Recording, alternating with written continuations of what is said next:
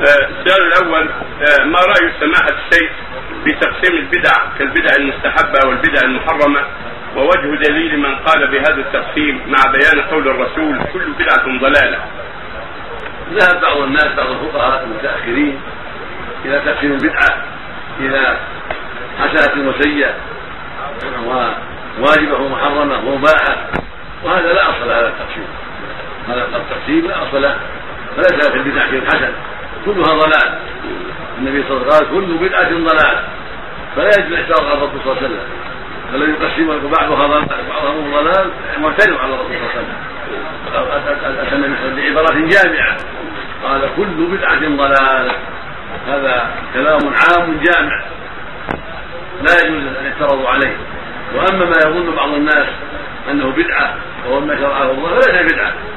مثل بناء المساجد ليس بدعه كالذي مسجد عليه الصلاه والسلام وذلك نقل المصاحف تشكيلها من باب الإيضاح لكلام الله ليس من البدع بل من باب الإيضاح لكلام الله وبيان ما ما هو مرفوع وما هو مرفوع لأن بعض العامة لا يقصد ذلك قد تشتبه بعض الكلمات لم تنطق كذلك يقول المصاحف كذلك بناء المدارس كل هذه من البدع بل مما شرع الله ما دعا إليه رسول الله صلى الله عليه وسلم لأن الله أمرنا أن نحفظ كتابه وأن نعلم أولادنا قال الباب. التعليم باب التعليم والايضاح فليس هذا من البدع.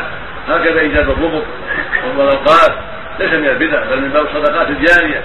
والنبي صلى الله عليه وسلم قال انما ابن آدم انقطع عمل من ثلاث ثلاث. صدقة جارية.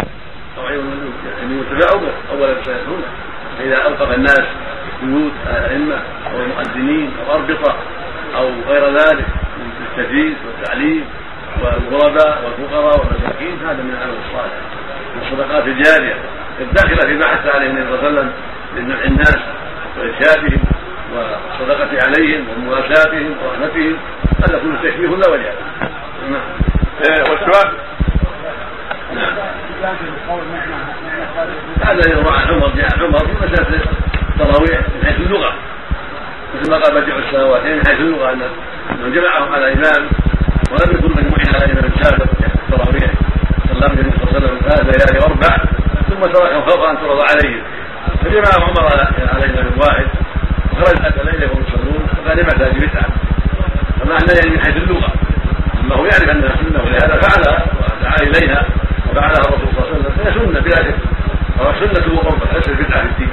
نعم ضمن الورق ولكن من قلبه مرض يتعلقها كلمة. ولو كانت في غير صف لما تعلق به.